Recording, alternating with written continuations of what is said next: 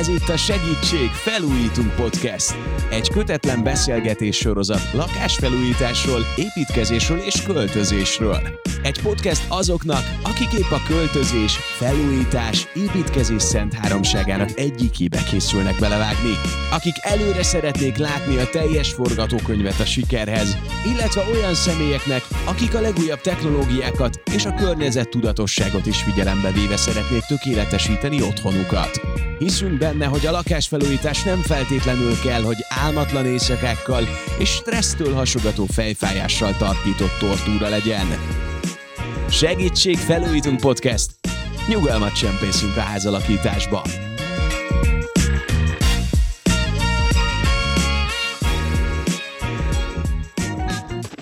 És már is itt vagyunk az újabb epizódnál. Sziasztok, én Juhász Bálint vagyok, és a legfontosabb dolog, hogy még mindig tudtok csatlakozni az építkezők felújító klubjához a Facebookon. Ez egy csoport, amiben értelmszerűen a segítségfelújítunk podcast epizódok megjelennek, beszélgetünk és közösséget alakítunk kérdezni is lehet. A mai epizódban pedig robogunk tovább a következő adással, ahol megnézzük, hogy milyen trendek is befolyásolják azt, hogy milyen konyhában töltjük a mindennapjainkat. És persze annak is utána járunk, hogy milyen gépészet, design és tervezés mentén érhetjük el, hogy igényeinknek és pénztárcánknak is megfelelő konyha szülessen. Sőt, mi több, a mostani epizódnak ugye volt már egy felvezetője is, amikor a fürdőszoba trendeket és annak építését jártuk körbe, tehát érdemes feliratkozni annak is, aki nem tette még mindezt. Hát nézzük a konyhát, de először is, hát Gábor nincs itt, viszont itt van Bernát Melinda, a BVT projektmenedzsere, aki évek óta koordinálja a BVT konyha kiállításon való részvételt, úgyhogy nála alkalmasabbat arra, hogy a konyha trendeket bemutassuk, nem is tudtuk volna találni. Úgyhogy szia Melinda, örülök, hogy női energia csatlakozik hozzám.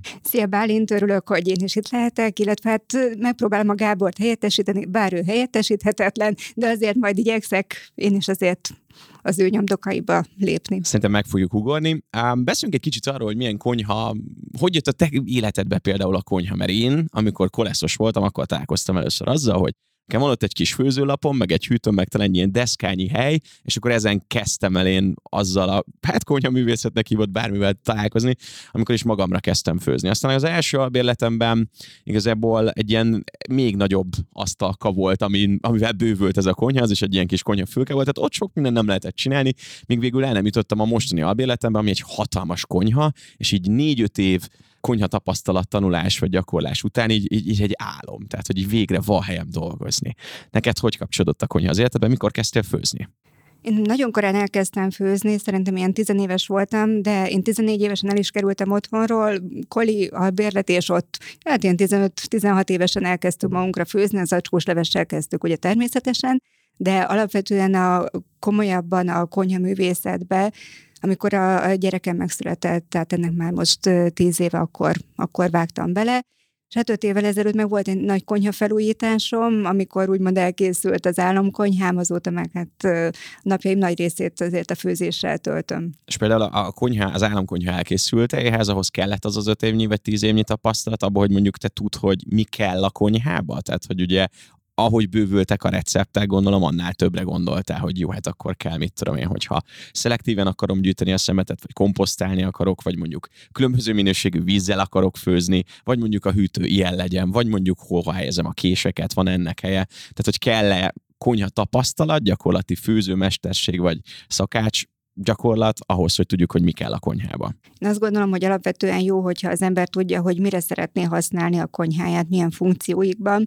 Nekem a konyha gépek kiválasztásánál volt azért ez, ez nagy szempont. Nekem például a mikro az kikerült a konyhámból, mert nem használtam, nem szerettem, és egy teljesen fölösleges hely foglaló készülék volt, viszont egy olyan sütőt választottam, ami már sokkal komolyabb volt, mint az előző sütőm. Tehát ilyen szempontból a saját igényeimet tudtam, és ehhez kapcsolódóan tudtam átbeszélni a lakberendezővel, mert hogy nem egyedül készítettem ezt a konyhát, nem felkértem egy lakberendezőt, aki segített megtervezni, illetve hogy egyedileg meg lehet megtervezve ez a konyha, teljes mértékben az én igényeim szerint, hogy legyen teljesen mennyezeték, hogy jó sok tárolóhelyem legyen, mert egy nagyon pici kamrám van csak, viszont rengeteg cuccom, és az évek alatt minél több cuccom össze is gyűlt. Beszéljünk még a kamráról, és nem ketten vagyunk szerencsére, hanem most is van egy szakértő vendégünk, Budai Ildikó lakberendező, aki 2005-ben és 2010-ben is az év lakberendezője lett, és hát bocsánat, hogy ilyen plegykával indítok, de állítólag te ilyen nagyon híres focistáknak az első legény lakásába is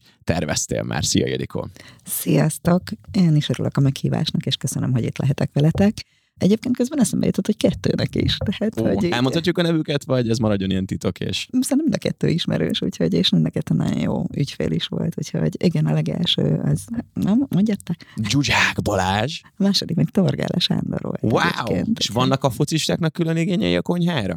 Egyébként igen, tehát, hogy, hogy, hogy szerettek főzni, vagy szeretnek főzni, és igen, határozottan olyan konyhát kellett készítenem, ami, ahogy így szokták mondani, hogy a konyha az a lakás szíve, vagy így a közepe, az egyiküknél valóban tényleg ez a közepe volt, úgyhogy nagyon, nagyon izgalmas így személyre szabottan megtervezni egyébként egy-egy életteret. Hát a konyha az egy közösségi tér is, pláne a házi buliban mindig ott vannak a legjobb beszélgetések, mindig ott van a legjobb összeröffenés, plegykálgatás, de hogy alapvetően a konyha az milyen funkciót tölt be a lakásba, tehát az élelem és a létezésünk alapja, van-e ennek mondjuk, hogy mondjam neked, esztétikusnak kell lenni egy konyhának, elhelyezkedésbe, ahogy mondtad, akkor ezek szerint fontos, hogy hol van a lakásban. Tehát, hogy mennyire fontos a konyha egy lakásba, házba?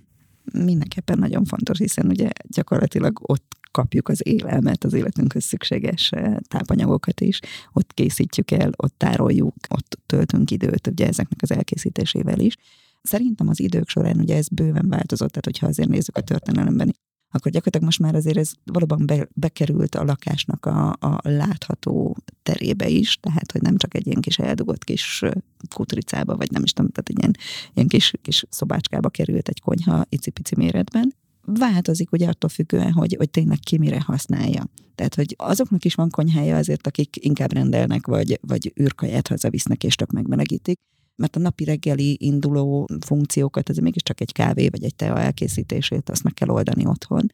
Megint csak változik, azt gondolom, hogy az elmúlt egy-két év hatására is változott a konyha funkciója, azon túl, hogy valóban a közösségi élet része, azon túl nagyon sokaknak a home office vagy az otthon tanulás része, és egyáltalán az otthon sokkal több időt eltöltő hely. Melinda, te hogy látod? Azért azt hozzá tudom tenni, hogy a civil életben te egy YouTube csatornát üzemeltetsz, ahol azért elég sokat vagy a konyhában. A, akár a követők, a, milyen visszajelzéseket adnak olyan értelemben, hogy, hogy van-e, ugye, ami, amit akár Ildikó említett, hogy ez a trend, hogy ami most például a Covid alatt azért én is sokkal jobban ráfordultam. Olyan dolgokat próbáltam ki, tehát időt töltöttem azzal, hogy fejleszem az én mondjuk konyhai képességeimet hogy mondjuk ilyenben látsz-e bármilyen trendet az elmúlt időszakban? Én is azt látom, hogy a gasztronómia itt az elmúlt két-három évben nagyon-nagyon előtérbe került. Rengeteg főzős műsor van a tévében is, tehát ennek a hatására is. Nem azt, hogy tényleg otthon voltunk sokat, be voltunk zárva, a gyerek tanult, hol tanult, tehát mondjuk a konyhapultnál nálunk is, mert ebédet kellett neki adni, tehát amíg én főztem, addig ő a konyhapultnál tanult, és ezért mondjuk egy, egy nagyon jó dolog, hogy oda tudtam ültetni a pulthoz, mert van egy, egy kialakított rész, és nem mondjuk a szobájába kellett tanulni, vagy az étkezőasztalnál, ahol nem láttam rá, és ez egy, ez egy hasznos funkciója, ugye, amit az Ildikó is mondott, a több funkciójú térnek itt a, a konyhában is meg tudjuk ezt valósítani, és egyre több ember próbál ki mindenféle különlegességet, ahogy te is mondod, hogy egy idő után se anyagilag, sem mondjuk kedvtelésileg nem bírjuk azért a rendelős kaját, hanem elkezdünk otthon főzni, és én is azt látom, hogy egyre nagyobb volt az érdeklődés. Most megint egy kicsit úgy visszatérünk a, a normál kerékvágásba, de az elmúlt két évben azért ezek a gasztrotartalmak utáni érdeklődés is igencsak megnőtt. Még nekem elég gyanús, én ilyen öko szempontból, még ugye ez nem saját lakás, meg nem saját konyha, tehát ilyen fűszeres, hát hogy mondják, ezt ilyen befőttes üvegszerű cuccokat kezdtem el használni fűszertartónak, mert gondoltam, hogy akkor ne a kukába végez az üveg. És most ilyen 18-20 féle fűszer van már otthon, de úgy képzeljétek el, hogy régen csak ilyen só, bors, meg talán nem tudom, nagyon Paprika régen és vegeta. Igen. Így ez volt. Úgyhogy abszolút értem, és gondolom, ahogy a, akár a gasztronómiában ilyen incsiklandó, meg különlegességek felé megyünk, azért a konyhában is lehet különlegességek felé menni. Tehát ahogy visszakanyarodok a koleszos, volt egy kis deszka és egy kis főzőlapból, el lehet jutni a csili álomszép olyan dolgokig, amire nem is gondolnánk. És akkor most titeket hívlak segítségül, és kérem a segítségeteket, mert ugye itt volt a konyha kiállítás, tehát a legaktuálisabb trendeket, azt most ti láttátok. Erről meséltek, hogy mit lehetett ott látni, mi volt a slágertermék az idei évben, illetve mire keresnek mondjuk a legjobban megoldást az emberek? Én alapvetően a konyhagépeket nézegettem, ugye nekem az ilyen nagy, nagy liblingem, és azt látom, hogy azért mindenhol a, a környezettudatosság, illetve a, az okos megoldások jelennek meg. Tehát már most szinte nincs olyan kiállító, aki ne azzal jött volna, hogy akkor kompletten minden készülékét hozzá lehet kötni internethez. Az egy másik kérdés, hogy gyakorlatban ezt mennyire használjuk, és mondjuk mennyire izgalmas az, hogy elmenjünk bevásárolni, és becsipog a telefonunk, hogy lejárt a mosás, tehát hogy ezzel tudunk-e valamit kezdeni a gyakorlatba, de, de az biztos, hogy ebben az irányba most már még erőteljesebben minden gyártónak ott van a, ott van a terméke. Tehát én ezt, ezt láttam most, ezt tapasztaltam, illetve hogy, hogy minél energiatakarékosabb, minél fenntarthatóbb módon lehessen megközelíteni az otthonokat. Most azért ugye a felújítás, építkezés, dübörög, és azért mindenki próbál ennek megfelelően egy kicsit tudatosabb lenni. Hát ugye a BVT standon is azt láttuk, hogy rengeteg volt az érdeklődés, rengeteg a felújítás, építkezés, és tudatosan jönnek, hogy igen, szeretnének a vízkezelésre is megoldást találni, és nem csak mondjuk a konyhai vízkezelésre, hogy ugye szűrt víz jöjjön a csapból, hanem, hanem magára a vízlányításra, a komplett gépészeti megoldásokra. Úgyhogy a Gábor ilyen szempontból túl sokat nem is tudott volna ezzel kapcsolatban mondani, mert ő azért el volt foglalva folyamatosan az ügyfelekkel, tehát megállás nem volt, mert tényleg rengeteg érdeklődő volt a BVT standon is. Ezt megerősítem egyébként szerintem, hogy a konyhai készülékek mind a nagy gépek tekintetében, mind a kisebb konyhai pultra helyezhető konyhai készülékek tekintetében szerintem nagy változások is vannak, és nagy az érdeklődés is. Tehát akár a különböző főzési technikák megismerése révén az emberek újabb és újabb kisebb vagy nagyobb készülékekre vágynak, és mondtad ezt a okosodnak a nagyobb készülékek, mert főleg a nagyobb készülékek lesznek okosabbak. Sokszor beszélgetünk kollégákkal, mert van egy-két olyan nagy cég, akiknek a fejlesztéseit nagyon szeretjük, hogy szükség van erre. És azt gondolom, hogy lehet, hogy, hogy mondjuk egy szintes, egyterű lakásban, ahol beláthatóak mondjuk azért ezek a különböző háztartási helyiségek és az ott működő készülékek, ott még annyira nem is érzi az ember, hogy erre mennyire van szükség. De mondjuk egy többszintes ház esetében, vagy ahol egy kert is van, ott határozottan szerintem szüksége lehet annak. Tehát, hogy ne égessen már el azt a sütit, ami kint a medencében pancsolunk, csak most mondtam valamit, vagy hogy, hogy tudjak tájékozódni egyébként tényleg, hogy egy-egy, funkció hol tart, amit elindítottam egy-egy ilyen tevékenységet. Úgyhogy ezekre szerintem van igény. És azt gondolom, hogy, hogy ha lehet így ezt mondani, a férfiak tekintetében is, és mondjuk mi nők azért örülünk ennek, hogy legalább valamivel a pasikat is be lehet csalogatni, így akár a, a háztartásba, vagy akár konkrétan a konyhába is. Elképzelhet, hogy már van olyan sütő, amúgy így ilyen mesterséges intelligencia, vagy valamivel így megnézi, hogy a csirkének milyen az állaga, és ő magától addig süti, ameddig, vagy itt még azért nem tartunk? Hát ilyen sütőhőmérőt tudsz belehelyezni, tehát akár ugye a hús, húsba is, és akkor annak megfelelően akár ugye wifi kapcsolattal tudod nézni, hogy akkor hol tart sütésbe a hús, nem feltétlenül, hogy nem tudom pontosan, hogy van olyan, amely jelzi, hogy akkor most már elértem megfelelő hőmérsékletet, de mondjuk a telefonodon, hogyha tudod, hogy nem tudom én, 92 fokig szeretnéd azt a hús sütni, akkor mondjuk jelez a telefon, hogy oké, okay, akkor elérte a hús a 92 fokot, tehát akkor visszamehetsz, és akkor kiveheted. Tehát ilyen szempontból igen, van arra lehetőség. Vagy szóljon a telefonod, hogy akkor elkészült, megsült a hús. Egyébként itt visszakanyarodom még Ildikóhoz, hogy én is egyébként a telefonomon, hogyha beteszek egy süteményt, mindig beállítom az időzítőt, mert tényleg elmegyek, felszaladok, kiteregetek, jön a, nem tudom én, bármi, vagy a gyerek kérdez valamit, és ezt elfelejtem, hogy bent van, és nem tudok visszaemlékezni, hogy mikor tettem be,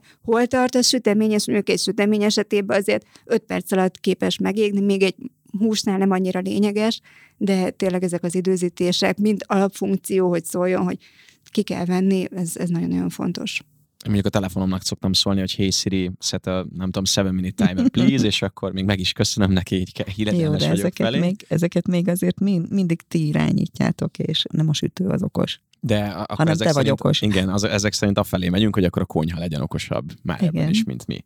Én a konyhai eszközökre még egy kicsit rákapcsolódnék, tehát az ilyen kis robotgépek, meg az ilyen kis plusz izék, mert én azt vettem észre a barátaim körében is tenni, 28 éves vagyok, és az elmúlt években az volt az izgalmas, hogy mindig legyen új telefonunk, vagy kutyünk, vagy valami, és hogy így pont a Covid alatt ugyancsak, hogy így rájöttem arra, hogy milyen jók ezek a kis háztartási gépek, mondjuk egy robotkép. Nekem lett egy ilyen élesztő intoleranciám, a lényeg az, hogy emiatt is jobban el kellett kezdenem azzal foglalkozni, hogy, hogy milyen ételeket eszem, tehát hogy több időt kezdtem a konyhába tölteni, és és soha nem gondoltam volna, hogy ez a robotgép egy ilyen mérhető változást hoz az életembe, életminőség szempontból, meg hogy mennyi mindent lehet vele csinálni. És fel tud kerülni a bakancs listára. Igen, és hogy jobban listára. tudok körülni neki, és vágyom rá, és akarok hozzávenni kiegészítőket, szóval ez elég, hát vicces is, meg nem is, ugyancsak ilyen, nem tudom, vízforraló, kávé őrlő, tehát hogy van azért végtelenségig. Van ebben valamiféle olyan trend, ami most nagyon menő, mert volt például ugye ez a szóda készítőgépeknek volt most egy ilyen trendje a olaj nélkül sütőhő izénak is Air volt. Fryer, igen. Igen, tehát hogy most van esetleg ilyen, ami jön. Azt gondolom, hogy ezek maradtak. A vákumozás, ami szintén itt a COVID miatt azért bejött, hogy tudjunk tartósítani, tudjunk előre dolgozni, és akár mondjuk ugye a húst, hogyha veszünk, akkor egy hét múlva is még azért használható legyen, ne kelljen fagyasztani.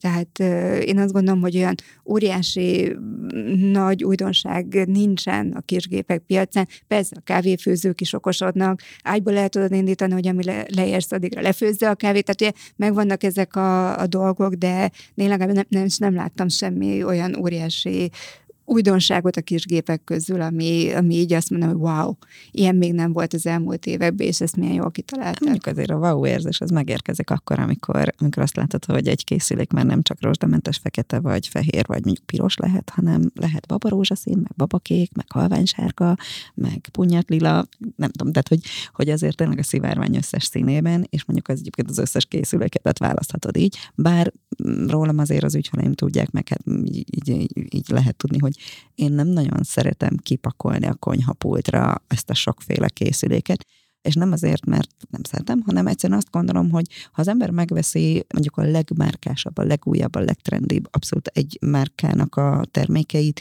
egy színből is, egyszerűen a funkciójuk. Okán ezek a készülékek különböző formájúak. Kicsi, nagy, pufi, lapos, magas, akármicsoda, olyan szintű rendetlenséget okoz szerintem látványban a, a pulton, azon túl, hogy egyébként meg a helyet is elfoglalja, tehát igazán nem is tudom úgy használni már azt a pultot, Persze ezekre megvan a megoldás, de, de hogy én azt gondolom, hogy, hogy, hogy ezzel is foglalkozni kell.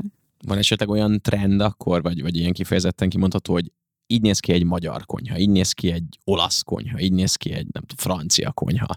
Vannak ilyen nemzetiségbeli különbségek? Ezt pont akartam mondani, amikor így beszéltünk még az elején, így a, akár a fűszerekről, vagy bármiről, hogy szerintem attól, hogy kinyílt a világ, tehát egyáltalán utazni is tudunk, meg van lehetőségünk, és utazunk is, vagy pedig most, hogy, hogy most bezárult a világ, de akkor legalább virtuálisan utaztunk, tehát akár az internet segítségével, vagy, vagy, vagy a képzeletünkkel.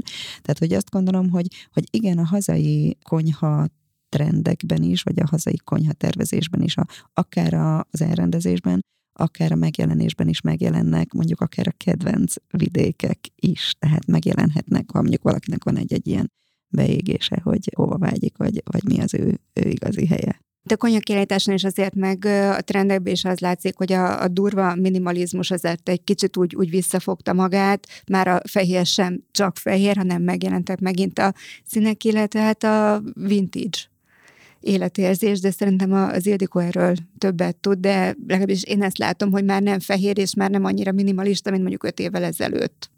Én boldog vagyok egyébként attól, hogy a konyha is mind megjelenésében, mind funkciójában, mind elrendezésében tényleg színesedik. Tehát, ahogy ezt mondom, egyszerűen azért, mert nem vagyunk egyformák. Tehát, hogy minden ember különböző azért. Tehát, hogy én a konyhánál is azt vallom, mint a lakás többi részénél is, hogy persze mehetünk egy-egy trend után, vagy meg, megkövethetünk egy-egy divatot, de akkor is mindig az a jó, hogyha egyrészt, és az, azt gondolom, ez a legfontosabb, hogy időtálló legyen, tehát hogy ne legyen rajta mondjuk egy 2020-as évnek a, a pecsétje, hiszen öt év múlva már az nem biztos, hogy, hogy, hogy annyira trendi lesz, és akkor a, amit arra költöttünk, hogy hú, de trendi legyen, az öt év múlva már pont, pont nem lesz az esetleg másrészt pedig, hogy, hogy ez rólunk szóljon, tehát hogy ott töltöm az időt, ez, ez az én birodalom, az én várom, az én konyhám, én házam, hogy szabjuk már ezt is személyre, tehát a, a használójára funkcionalitás vagy elrendezésben van-e ilyen különbség a nemzetek között? Tehát gondolok itt most az amerikai konyhára, amit amerikai konyhának hívunk, legtöbbször ugye bevisszük a konyhát a nagyszobába, vagy legalábbis Magyarországon a területépítés, vagy a maga a lakások elrendezés alapján ezt lehet csinálni. Nem tudom, vannak olyanok, akik a hűtőt valahol külön teszik, vagy a kamrába teszik ki, hogy ezeknek van-e bármiféle ilyen csoportosítható rendszere? Fúri, mert ez a két tipikus dolog, ez az amerikai konyha, és egyébként ez egy nagyon jó jött. Ugye ez a valóban, hogy amikor egy térbe helyezem a, a nappalival, meg étkezővel, ez ugye akkor tud működni jól, hogyha alapvetően azért viszonylag rendet tartok. Tehát, hogy, hogy az ember, amikor a nappaliba átköltözik, akkor ott inkább pihen, lazít, nem biztos, hogy a, az étkezés és az előkészítésnek a, a romjait szeretné figyelemmel kísérni. És valóban, ahogy a, a klisé szerint ugye az amerikaiak inkább ezeket a berakom a mikróba űrkajákat eszik, nem, tehát most ne dőljünk be azért ennek a paradigmának, de ha mondjuk nézünk egy mediterrán ö, konyhát, vagy egy mediterrán világot, ott sokkal azért zártabb, de közben sokkal nagyobb az a konyha, hiszen ott ül össze a család, tehát ott zajlik már inkább az étkezés is. Tehát azok már ugye akkor ott van egy nagy, nagy asztal, ott együtt főznek, együtt készülnek a dolgok, ott lehet rendetlenséget hagyni, ott aztán a kis liszt és izé, szárított paradicsom, meg friss paradicsom, meg mindenféle is megjelenik. Tehát valóban én azt gondolom, hogy egyébként mások a, a, a nemzetek konyhái is szerintem. Tehát, hogy, hogy azért ezek, a, ezek az alapvetések még azért megvannak, úgy gondolom. És Magyarországon mi az, amit trend, tehát, hogy mit kérnek az ügyfelek, vagy mi az, amilyen irányba te próbálod terelgetni az ügyfeleket, hogy inkább ez a külön konyha, de akkor ott legyen az étkezés, vagy maga a konyha legyen az élettérnek a része, tehát a nappalival együtt. Tehát a, ez a mediterrán vonal, vagy inkább az amerikai, vagy legyen egy koszos konyha, ahol elmegy a főzés, és legyen egy díszkonyha. Hűha. Az első az mindig az, hogy mekkora tér áll rendelkezésünkre. Tehát, hogy attól függően tudunk bármit is mi is javasolni, vagy terelgetni, úgymond. És a terelgetés részénél is azt gondolom, hogy, hogy nem, először az ügyfél terelget engem azzal, hogy ő mit szeretne és mire vágyik. Egyébként sokszor nem is tudja még ő, hogy mire vágyik, hanem egyszerűen, ahogy elkezdünk beszélgetni, úgy derül ki, hogy de hogy ő szívesen főzne úgy, hogy közben a gyerekei, ahogy mondod, ott, ott tanulnak, vagy egyébként ő szívesen főzne úgy, tehát hogy ez is ilyen, ilyen izgalmas kérés mostanában, hogy együtt a baráti társasággal. Tehát, hogy ő nem szakad meg, úgymond előtte, bocsánat, mielőtt megérkezik a vendégsereg, és akkor már az asztalon ott így gőzölög minden, hanem hogy szívesen főznek együtt, és szívesen készítenek együtt. Tehát most is készül egy ilyen konyhám, ahol pontosan ezért mondjuk két mosogató is bekerült, vagy, vagy, vagy egy, egyszerűen egy akkora pult, amit én nem is értettem, hogy Jézusom mi lesz ebből, mert hogy ott az egész társaság főzés, mindenkinek dolga van és feladata van vele. Tehát ugye azt gondolom, hogy, és erre mondtam azt, hogy ne a trend határozza meg azt alapvetően azért, hogy milyen konyhában és milyen, milyen otthonban élünk, hanem az, hogy valóban mi hogy érezzük jól magunkat, és, és mire vágyunk, és mit szeretnénk. És aztán mire van lehetőségünk. És amikor elkezdődik egy ilyen beszélgetés az ügyféllel, hogy oké, okay, szeretne egy konyhát felújítani, vagy éppen építkezésben van, ez hogy zajlik, ezt hogy kell elképzelni, hogyha valaki mondjuk szeretne egy lakberendezővel együtt dolgozni. Nekem például óriási segítség volt, hogy lakberendezővel közösen tudtunk gondolkozni, és hozott be olyan ötleteket, amire mondjuk én nem gondoltam. Tehát ne, nekem, én azóta mindenkinek ajánlom, hogy igen, egy lakberendező megéri az árát, mert annyi minden plusz gondolatot tud hozzátenni a ember kis mindennapjaihoz, amire nem is gondol, hogy ez hogy néz ki nálad a gyakorlatban, hogy jönnek, megkeresnek, hogy oké, okay, akkor én szeretnék egy konyhát, te kérdezel, vagy az ügyfél elmondja, hogy mit szeretnél, és utána egy kicsit ezt így finom hangoljátok, tehát melyik a eleve úgy kezdődik, tehát hogy nagyon sokszor, bocsánat, hogy nem, úgy, tehát nem csak azzal keresnek meg, hogy szeretnék egy konyhát. Bár egyébként ilyenkor mindig az van, ha, ha mégis adódik ilyen, hogy csak a lenti részt, mondjuk a nappali konyha étkezőt nézzük meg, akkor is azt mondom, hogy közben vezessen körbe azért a házban, és nem azért, hogy most így most belenézzek a titkaiba, csak hogy lássam, hogy a, a többi terek rendben vannak-e, tehát hogy ő ott elfér, hogy fér el, hogy tudja megoldani, mert lehet, hogy csak a, csak a konyha megtervezéséhez még akkor is hozzá fog társulni mondjuk csak az étkező, vagy csak a nappali vagy csak az előszoba része, mert mondjuk ki kell alakítani akár, vagy ki lehet alakítani mondjuk egy plusz kamrát. Azért néztem így rá, meg azért mondtam azt, én nagy kamrafan vagyok egyébként, tehát hogyha van erre mód és lehetőség, akkor persze imádom, hogyha van kamra. Majd erről gondolom beszélünk, hanem akkor itt maradtunk, és akkor van egy ilyen jó kis, jó kis titok így az egész dologban. Szóval, hogy, hogy én azt gondolom, hogy, hogy igen, először mindenképp megnézem, hogy hogy élnek, hogy, hogy hányan élnek, hányan használják, hol éreztem magát. Egyébként nagyon jól, tehát, hogy, hogy akár egy vendégségben, vagy akár egy filmben látott jelenetben, vagy bárhol, mit szeretne egyébként? Tehát, hogy, hogy, hogy a konyha az levegye róla a, a gondokat, terheket, ő azzal nem akar foglalkozni, vagy egyébként de nagyon szeretne vele foglalkozni, sőt azt szeretne, hogy az egész család is ezzel foglalkozna, meg még a szomszéd és, a, és az összes baráti kör is. Tehát... Mit rakunk le legelőször a konyhába? A tűzhelyet? A hűtőt? Vagy a konyhabútort választjuk? Padlólapot?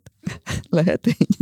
Tehát, hogy mi határozza meg, hogy mondjuk én ilyen konyhagépeket szeretném, mert szeretnék, nem tudom én, egy hupilila hűtőt, és akkor ahol az határozza meg az egész interiört, vagy maga a, a konyhabútor színe, hogy én fehéret szeretnék, kéket szeretnék, modernet szeretnék, fából szeretném, tehát, hogy maga az egész konyhának a megtervezése, az honnan indult, tehát mi a, mi a nulladik pont? Jó pofa ez is, ahogy mondtad, de én azt gondolom, hogy ez inkább már a második pont, de tényleg, nagy, tehát tényleg néha egészen elképesztő dolgok tudják elindítani egyébként magának a konyhának a, a kinézetét, vagy a, a, a, a dizájnját, úgymond. Tehát simán lehet egy hupilila hűtő, tehát hogy ami, ami elindítja a dolgot. De ennél szerintem a, a legelső, és még azt gondolom, hogy még a padlólap előtti is, az, hogy valóban a funkciókat megtervezni. Tehát én azt gondolom, hogy a lakásban több olyan tér van, aminek a, a megtervezésére nagyon nagy gondot kell fordítani, de ezek egyike mindenképpen a konyha. Egyszerűen csak azért, mert olyan gépészeti kialakításokat is el kell benne végezni, illetve elektromos szereléseket, amiket később nem tudok olyan ügyesen, hogy mondjuk csak leveszem a függönyt, ha mondjuk most mondom egy függönyözést elrontottam, vagy új, újra gondolnám. A konyhánál ott azt gondolom, hogy először kell jól végig gondolni, hogy, hogy mi fér el, mit szeretnék elhelyezni benne, azok, hogy kövessék egymást, vagy mi hol legyen, néhány nagyon fontos dolog például, hogy, hogy ha, ha már ilyen víz dolgoknál tartunk, tehát a mosogatógépet, azt például koccanásra kell a falhoz tolni. Tehát, hogyha tudom, hogy hol a mosogatógép helye, akkor azt már rögtön egyébként a, a, mind a gépésznek, mind az elektromos szerelőnek meg kell mondani, hogy na oda semmit nem nem rakhat. Tehát ezeket általában oldalról kötjük be, vagy, vagy máshonnan kötjük be. Tehát csak azért mondom, hogy ilyen nagyon fontos dolgok vannak, hogy az elején tudnom kell, hogy hogy fog kinézni az a konyha műszakilag, technikailag. Tehát ez mondom, a legelső szerintem a tervezés, és akkor utána mehetek arra, hogy, hogy, hogy mindez hogy is nézzen ki, tehát hogy milyen legyen a látvány. Egyébként a gépészeti tervezésre így rákapcsolódva, a BVT-nél nálunk is hogy azt mondjuk, hogy amikor mondjuk egy teljesen nulláról épül egy ingatlan, akkor mondjuk pont a konyha esetében egy kerülő ágat mindenféleképpen javaslunk, hogyha mondjuk bekerül egy vízlágyító, hogy még ugye a vízlágyító elől elhozzunk egy kerülő ágat, ami kifejezetten a konyhába megy, és a konyhába oldjuk meg a vízkezelést külön, tehát annak nem kell rajta lenni a, a főágon, és ugye ez megint ugye az előre gondolkodás kérdése, hogy a, tudom, hogy én a konyhában konyhába már szeretnék majd egy, egy szűrt víz megoldást, hogy a csapból is szűrt víz folyjon, akkor már a gépészeti tervezésnél, vagy ugye a csőhálózat megtervezésénél ez fontos, hogy már ott elhozzuk, és ez már a, még a konyhát Pont. is megelőzi. Igen ha már egy kicsit megemlítettük a vizet, ugye az is egyre fontosabb ma már, hogy a konyhában milyen víz van, meg hogyan érkezik. Meg én is például a vízforralóban látom azt, hogy most jöttem rá, hogy nincs központi vízlegyítésre az épületben, mert azért ott van a vízkő elég erőteljesen. Ezzel mit lehet kezdeni? Én nagyon imádom ezt a témakört is egyébként, ahogy mondtad, hogy persze nem kell messzire gondolni, tehát hogy a csapból továbbra is víz folyik, vagy legalábbis most még eddig, de azon túl, hogy, hogy, hogy szűrt víz, hideg víz, meleg víz, azon túl ez a kényelmünket is szolgálja. Tehát, hogy, hogy nem kell mondjuk ezt a rengeteg palackot hazacipelni, azt a rengeteg palackot tárolni, majd a rengeteg üres palackot szelektíven gyűjteni. Tehát, hogy, hogy azt gondolom, hogy ezek a vízkezelő és ilyen víz, vízzel kapcsolatos megoldások nem csak, hogy ökológiailag nagyon fontosak, vagyis hát pontosan ez a kényelmünket szolgáló rész egyben meg ökológiailag is nagyon fontos gondolat szerintem. Egyébként ez a vízkezelés igénye, ez az ügyfelek részéről jön, vagy te vagy az, aki feldobod az ügyfeleknek, hogy egyébként van alternatív megoldás, nem kell palackokat cipelni. Tehát mennyire tudatosak mondjuk víz szempontjából a fogyasztók, vagy a ügyfelek? Azt gondolom, hogy egyre inkább, és ez, egy, ez mindenképpen egy örömteli érzés. Egyszerűen azt látom, hogy azért ezeket a kancsós, egyszerűbb belépő megoldásokat már látják, már ismerik. Persze ismerik a, a, egyáltalán a házba belépő víznek a, a, a kezelését, az, hogy, hogy, hogy speciálisan a konyhában hogy lehet még plusz extra kényelmi funkciót is adni, arra van, amikor azért inkább nekünk kell még, még felhívni a figyelmet. említetted, hogy valakinek kellett két mosogatót egymás mellé berakni, mert hogy ilyen nagy közösségi konyha épül. Engem ez érdekelni, hogy ebbe van-e valamiféle trend, hogy az emberek szeretnek-e még mosogatni, most már nagyon mindenki szeretne mosogatógépet, ezzel mennyit spórolunk, mert itt, is vannak ilyen, hogyan mondjam, ilyen fact-check dolgok, hogy, hogy tényleg spórolunk-e annyit a vízzel, hogyha mosogatógépet használunk. Ebben hogyha tudtok segíteni, ezt megköszönöm. De azt gondolom, hogy a mosogatógép a mosógép után a második kedvenc eszköze a ház, háziasszonynak, legalábbis én így vagyok vele, mert egyrészt rögtön elmegy a kosz, tehát hogyha végeztünk a kajánlással, akkor mindent be lehet tenni, nem lesz ott az, hogyha mondjuk leülünk egy kávéra, akkor nézzük közben a rengeteg mosatlant, másrészt pedig tényleg hatékonyabb. Tehát korábban mondjuk egy 16-18 literes mosogatógép, az most már akár 6-7 literből meg tudja oldani a mosogatást, fogyasztást, míg hogyha mondjuk kézzel kezdünk neki mondjuk egy nagy vasárnapi ebéd utáni pancsolásnak, akkor, akkor 60-70 liter vizet is el tudunk mosogatni. Tehát itt akár tizedéből meg tudja oldani egy mosogatógép a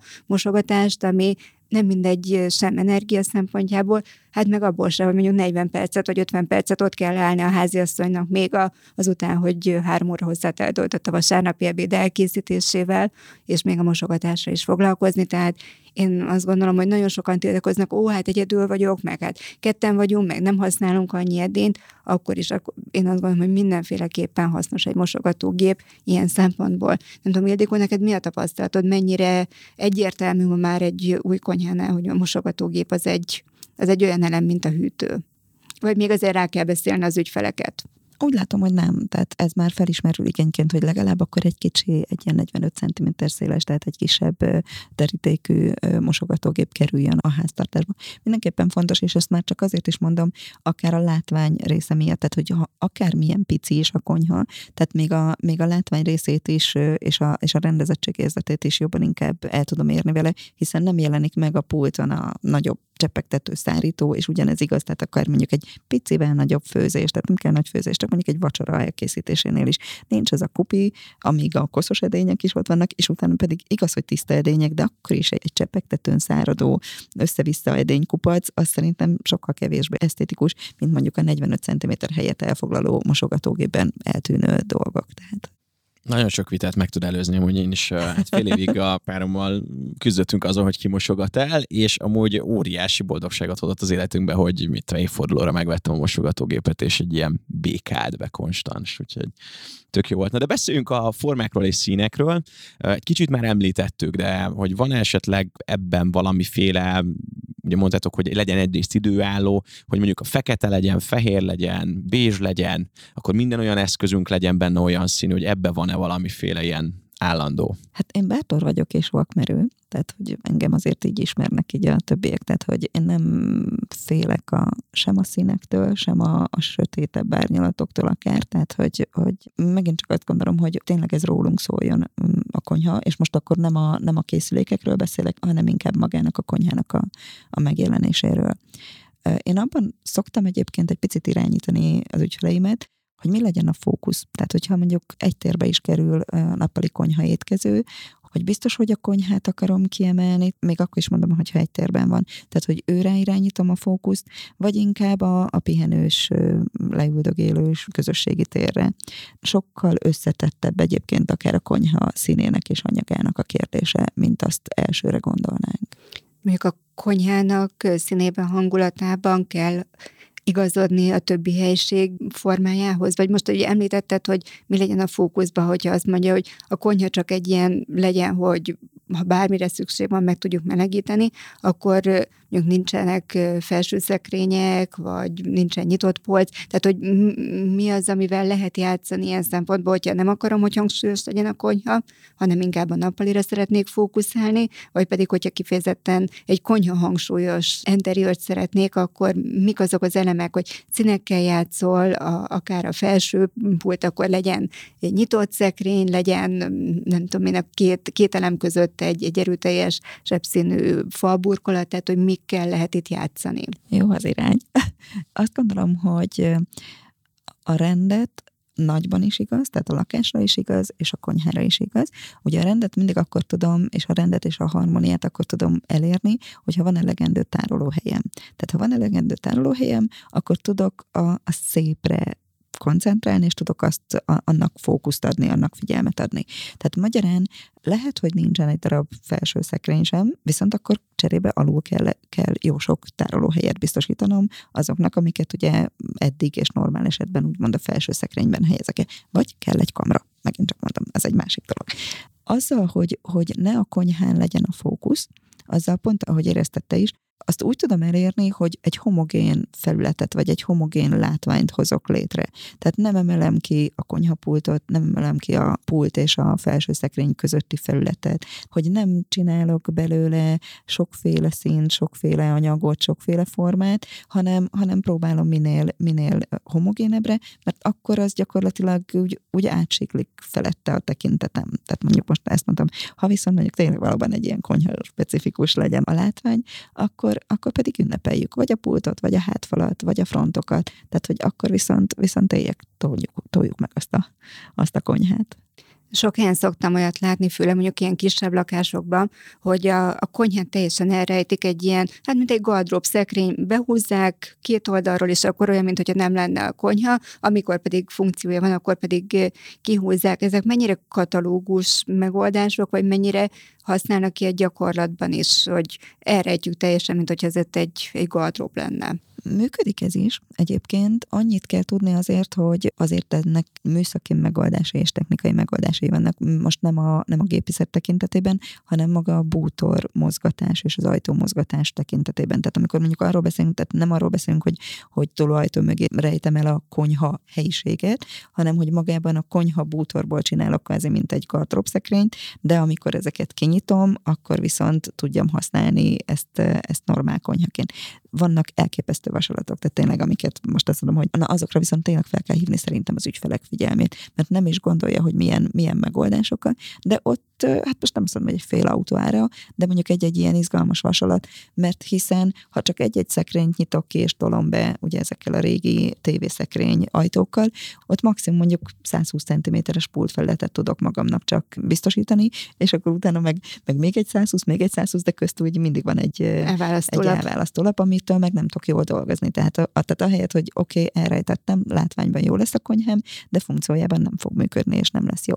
Azok a vasalatok, amivel viszont mondjuk akár tudok magamnak 5 méteres pultfelületet is biztosítani, és adott esetben, ha akarom, akkor pedig szépen bezárom ezt a, ezt a történetet, annak meg a vasalata lesz majd, majd egy, egy olyan dolog, amit érdemes meggondolni megint csak a hely függvényében választunk megoldásokat. És akkor szerintem egy kicsit erre a kamra témára térjünk vissza, mert, mert többször említetted, illetve én is nagy kamra rajongó vagyok, bár nincsen túl nagy kamrám, ezért a garázsból lett egy óriás kamra, a kocsi az még soha nem állt bent a garázsban, de a tárolóhely az tényleg kell. Én összeszedtem egyszer egy YouTube videóban, megmutattam a háztartási gépeimet, hát az egész pultfelületem nem volt elég, amikor kipakoltam az összes háztartási gépemet, és valóban ezeknek kell hely, hogy, hogy elrejtsük, mert van olyan, amit mondjuk a kis grillt, azt mondjuk nyáron használom, az télen bent van a garázsba, pont azért, mert nincsen rá szükség, és én is próbálok egyébként minden gépet elrejteni, vagy a pici kamrába, vagy a konyhaszekrényekbe betárolni.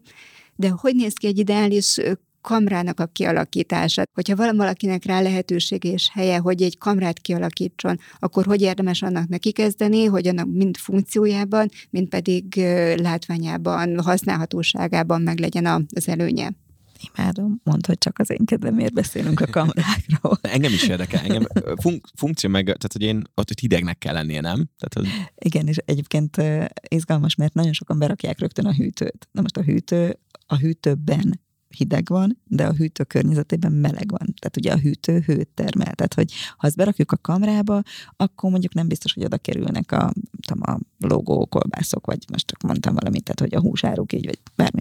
Imádom, amikor van konyha, vagy a kony, konyha és a kamra egymás mellett, vagy egymásból nyílóan. Tehát nekem ez a, ez a fő kedvenc. Tehát, hogyha valaki nekem kedvezni akar, akkor olyan konyhákat kérek tervezésre, ahol, ahol van lehetőség, hogy a konyha és a kamra az így közös életet éljen. Mégpedig azért, mert ilyenkor szoktam azt mondani, hogy nem, nem fogjuk ezt a kamrát ész nélkül padlótól a mennyezetig bepolcozni, vagyis hát de, de nem ész nélkül ahogy te is mondtad, és egyébként ez a tapasztalat, tehát ugye meg amiről az előbb beszéltünk, hogy ezek a minél több és, és bővülő kisebb háztartási készülékeknek a sora, az nem annyira látványos a, a konyhapulton, de az is igaz, hogy ami viszont nincsen használatra előkészítve, azt nem fogjuk használni. Tehát, hogy tehát nálunk igen volt idő, amikor vagy csak ilyen összesütős szendvicset evett a család, vagy csak pirítós. Tehát, hogy mert a két készülék nem fért el egymás mellett.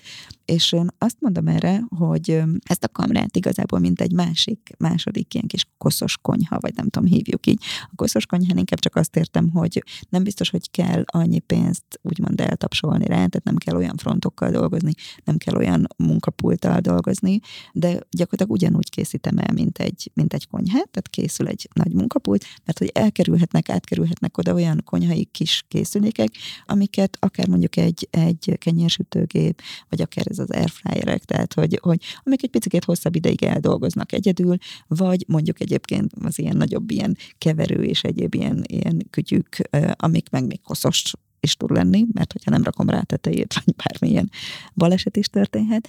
Illetve a másik, ami miatt én nagyon imádom, a mamámnál volt mindig gyerekkoromban egy úgynevezett sütéspolc. Nem tudom, hogy másnál is van, vagy volt-e ilyen. Nem vagyok nagy sütős, de azért azt tudom, hogy, hogy vannak olyan sütik, amiknek a tepsiben kell kihűlniük és hát ha még ezt még elő is veszem a tepsiből, és még ez is a konyhapultra kerül, hát akkor aztán már tényleg térden lőttem magam ezzel is ha van egy ilyen kamrám, ami tényleg közvetlenül a konyhából nyílik, akkor még egy ilyen sütéspolcot is ki tudok alakítani. És van bármiféle olyan, nem tudom, megoldás arra, hogy állandó hőmérséklet legyen egy kamrában? Vagy nem tudom, nálam is nagyszülők tényleg kolbászlógatnak.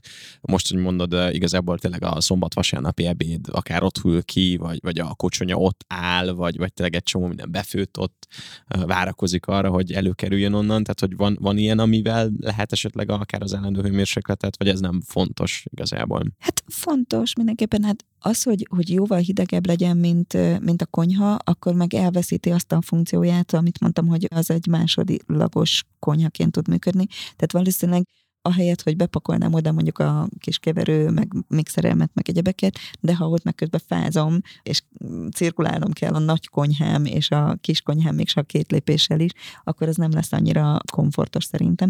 Tehát, hogy ezt a fajta nagy hőmérséklet különbséget azért én nem biztos, hogy preferálnám. Tehát, hogy tényleg, tényleg így ilyen igazi hűtés, meg ilyesmire van, akkor, akkor ha akkor a, tér, vagy akkor a ház, vagy akkor maga az otthon, akkor mondjuk máshol alakítanám ki az ilyen hűtős, hűtő, hűteni való, vagy, vagy hűvösebbet igénylő termékeknek a tárolását. Hát akkor ez már inkább egy ilyen külső kamra, igen, ahol, igen. aminek van ablaka, lehet szellőztetni, és akkor ott lehet... ez volt az én problémám, hogy akkor van ilyen is, tehát akkor van egy harmadlagos kamra is? Hát ahova nagy bevásárlások kerülnek közvetlenül, a, igen, mondjuk, mondjuk, de hát igen, akkor mm, szerintem, hogyha tagolni kell, akkor van a konyha, a koszos konyha, és a klasszikus kamra, ahol lóg a kolbász, és a, és a krumplit és a zöldséget betároljuk, ahol viszont hűvös van, és Igen. nem nem, nem pedig a maga a dolgozási teret nyújtjuk ki. Egyébként nekem ez a, az ötlet, ez nagyon tetszik, hogy tényleg a háztartási kisgépek, hogyha erről vannak, akkor használjuk őket, mert hogyha be vannak pakolva a pultba,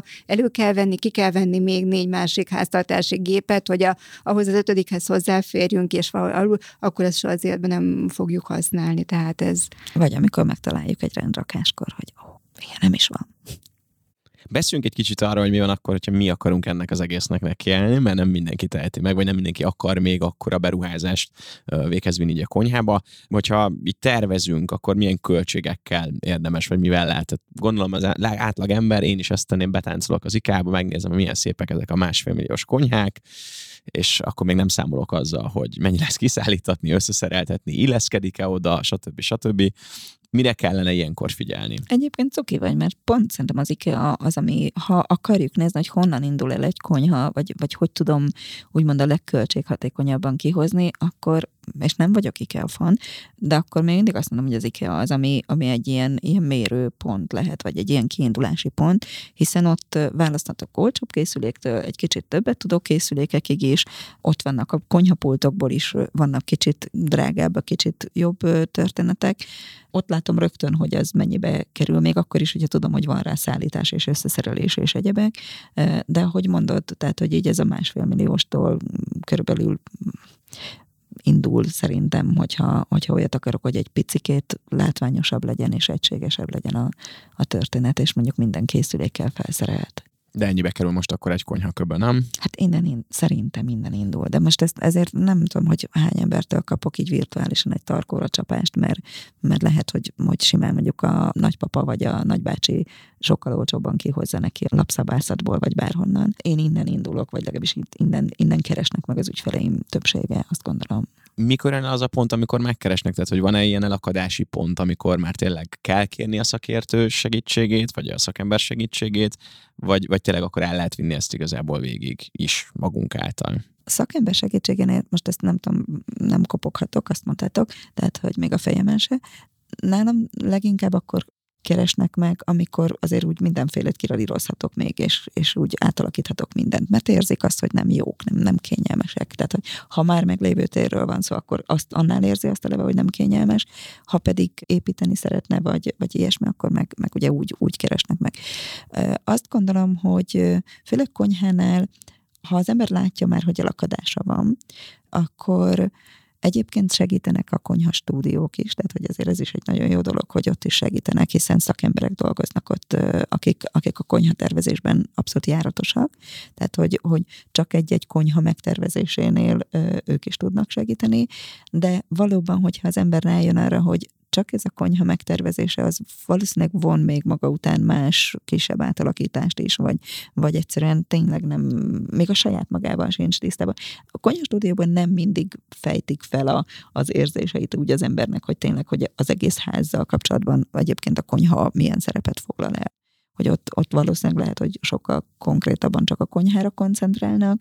Egy lakberendező belsőépítész meg azt gondolom, hogy, hogy még ha csak a konyhával keresik is meg, akkor is egy picit kijebb, kijebb nyitja ezt a, ezt a fókuszt. És akkor viszitek iPad-en a tervező applikációkat, vagy, vagy ő mutatja esetleg neked, hogy mit rakott össze, szokott-e jelenni? Vagy kézzel rajzolok és tervezek, és a kis Móriczka rajzokkal azonnal, azonnal mutatom, hogy mire gondolok és általában hogy szokott? Tehát megmondják, hogy szia Ildikó, van 3 millió forintunk. Erre kérlek, has, alkos, gyarapíts. Hű, ez nagyon izgalmas, mert általában nem, nem egy büdzsével indulunk. Persze a beszélgetés során azért kiderül, hogy, hogy most akkor igazi kőlapokkal gondolkodjunk, vagy, vagy furnérokkal, vagy, vagy inkább csak laminált konyhafrontokkal, most csak mondtam, hogy a, a frontok tekintetében, vagy az anyagok tekintetében, tehát hogy azért ez, ez hamar kiderül, hogy körülbelül meddig nyújtózkodhatunk, de nem, nem úgy, tehát nagyon ritka, hogy azt mondják, hogy, hogy kaptam egy, egy vagy, vagy, akkor ha amikor azt mondják, hogy kapok így egy, egy bankszámlát, akkor általában megint csak az összesről, tehát akkor viszont nem is szólnak bele. Én azt gondolom, hogy, hogy amikor, amikor az ember azért szereti felügyelni a, a, a pénztárcáját is, akkor szereti felügyelni a folyamatokat is. Ha, ha csak egy össze összeget ad át nekem, akkor, akkor pedig általában átadja a teljes döntési lehetőségeket is. És ilyenkor te magát az egész munkafolyamatot felügyeled, lebonyolítod, mész, nézed, hogy mikor jön a szakember, a vizes jól kötötte be, a megfelelő módon csinálták-e meg a konyhabútort, vagy te feladatod odáig terjed, hogy megcsináltad, elmondtad, hogy akkor szerinted mi hogy nézzen ki, és onnantól kezdve szerintem megrendelőnek a feladata maga a lebonyolítás nem vagy, tehát mi általában lakbenzők nem vagyunk műszaki ellenőrök, ha, ha, ha a lakberendezőnek, nekem például egyébként, tehát persze van csapat, akit tudok ajánlani, de alapvetően nem vállalok kivitelezést, Magyarán nem vagyok ott minden reggel, nem indítom el a munkásokat, de mindig azt szoktam mondani, hogy szeretem látni, tehát mielőtt egyébként neki kezd mondjuk egy bármelyik szakember egy, egy munkafázisnak, vagy egy munkafolyamatnak, tehát szeretek a burkolóval előtte találkozni, szeretek a gépésztel előtte találkozni. Egyszerűen csak azért, hogy lássam a szemében, hogy ő is azt érti-e azon a papíron, terven átadott információn, amit én szerettem volna átadni neki, és bár tudom, hogy minden információ rajta van, de hogy látja hogy minden információ rajta van és érti -e, és igen, természetesen a végén, már az ő munkafázisának a végén, nem a nap végén, hanem amikor azt mondta, hogy köszöni, most ő készen van, és, és akkor továbbállna, akkor megnézem, hogy elkészültek-e azok a kiállások és azok a, azok a, kialakítások. És igen, én szeretem végigvinni ezeket a dolgokat. Tehát, hogy én azért szeretem látni a, a, a folyamatot, vagy nem tudom, tehát tehát nem, nem, nem egy nagy dossziét kap az ügyfél, hogy akkor ezzel mehet, mehet világá, és utána jó esetben kapok egy képet, nem. Tehát én szeretem ezt így végigvinni. Ildikó, hány évre szól egy jó konyha? Hát egy jó konyha, ez nem tudom, örök élet plusz két nap, tehát jó lenne, hogy... Tehát mondjuk 40-50 évig is kellene funkcionálni, úgyhogy hozzá se nyúlunk? Nem, azt gondolom, hogy azért ez így nem, hiszen még a nagygyártók sem, még a 40-50 évet szerintem még ők sem, ők sem ígérik. A jó konyhának én azt gondolom, hogy fel kell készülnie a változásokra, tehát fel kell készülni az innovációra nem csak ott az adott pillanatra kell terveznünk azt a konyhát, hanem arra, hogyha bármi érkezik később, akkor, akkor arra is viszonylag kisebb, kisebb hozzányúlással egyébként lehessen lehessen tovább lépni. Mondjuk egy munkapultnak hány évet kell kibírnia? Akkor így, így kérdezem, hogy nem tudom, például nálunk is kiömlött nagyon sokszor, meg az előző uh, lakó által oda a sarukba a víz, ott a mosogató környékén, és arra látszik, hogy annak azt már csak a Szentlélek tartja össze egy szakaszon. Tehát, hogy így értem, hogy mondjuk mennyi idő után fáradnak el ezek a, akár az elektronikai eszközök, akár a pult, akár a kinézet.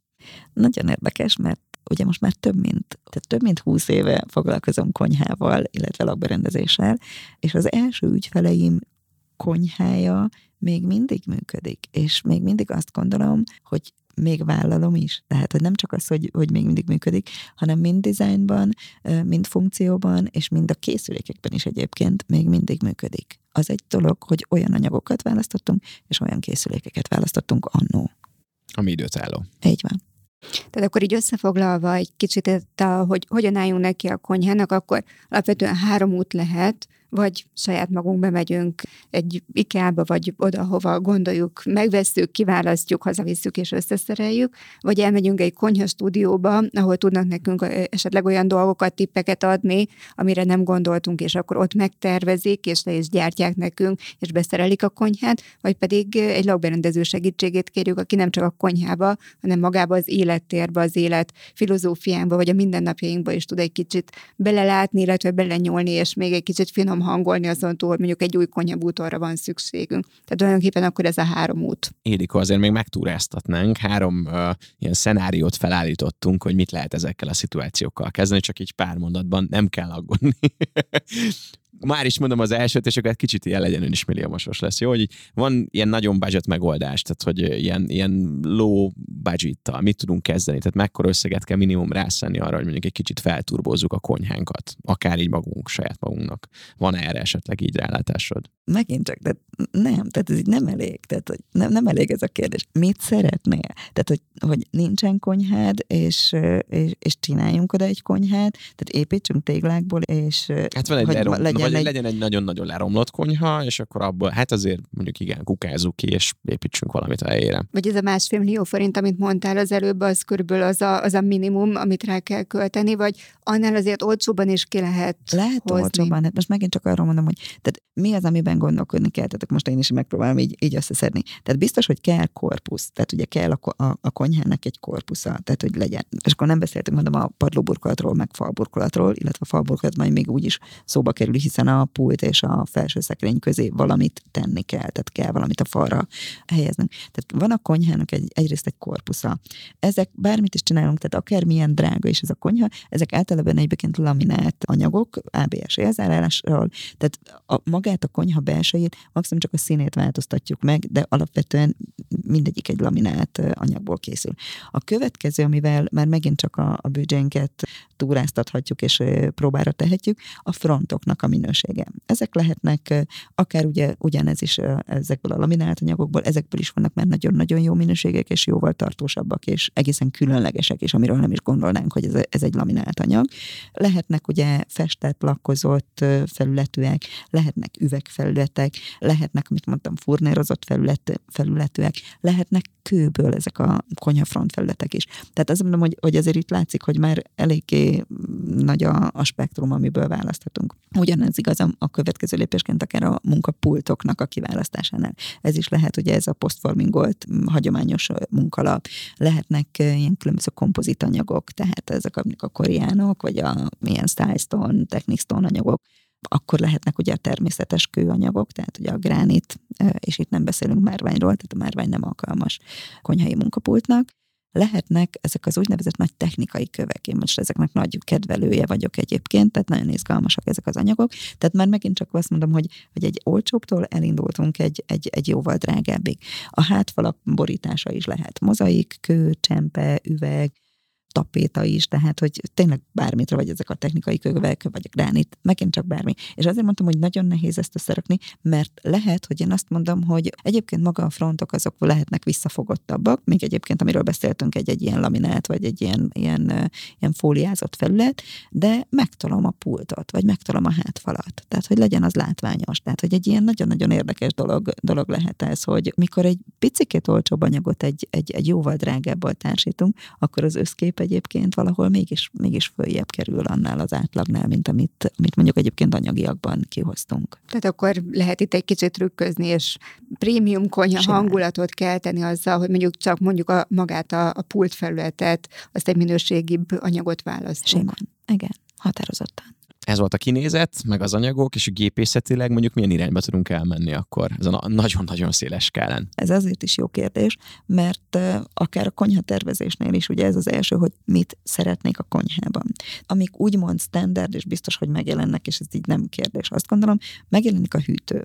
Tehát a hűtőszekrény az kell. Azt el kell döntenie, hogy hűtővel kombinált hűtőről beszélünk, kétajtós nagy hűtőről beszélünk, beépíthető hűtőről beszélünk, vagy szabadon álló hűtőről beszélünk. Tehát már, már itt is azért, tehát csak egy hűtőszekrény kiválasztásánál már szerintem mm, dönteni kell több pontban.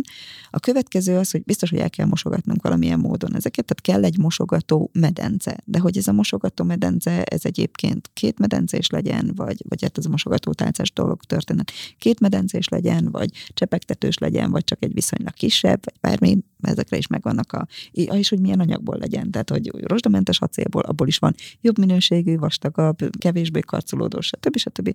Vagy legyen kőből, vagy legyen megint csak ilyen szélgránit anyagból. Tehát, hogy, hogy már itt is, és akkor még mindig csak a mosogató medencénél tartunk, kell biztosan valamilyen főzőlap.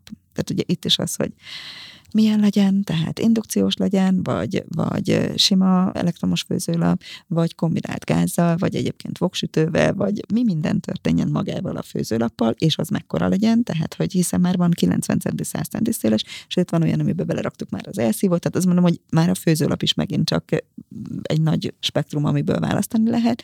Biztos, hogy kell valamilyen sütő. hogy, hogy mondtad, hogy ott aztán végképp bármi, bármi is történhet, és még az alapoknál vagyunk.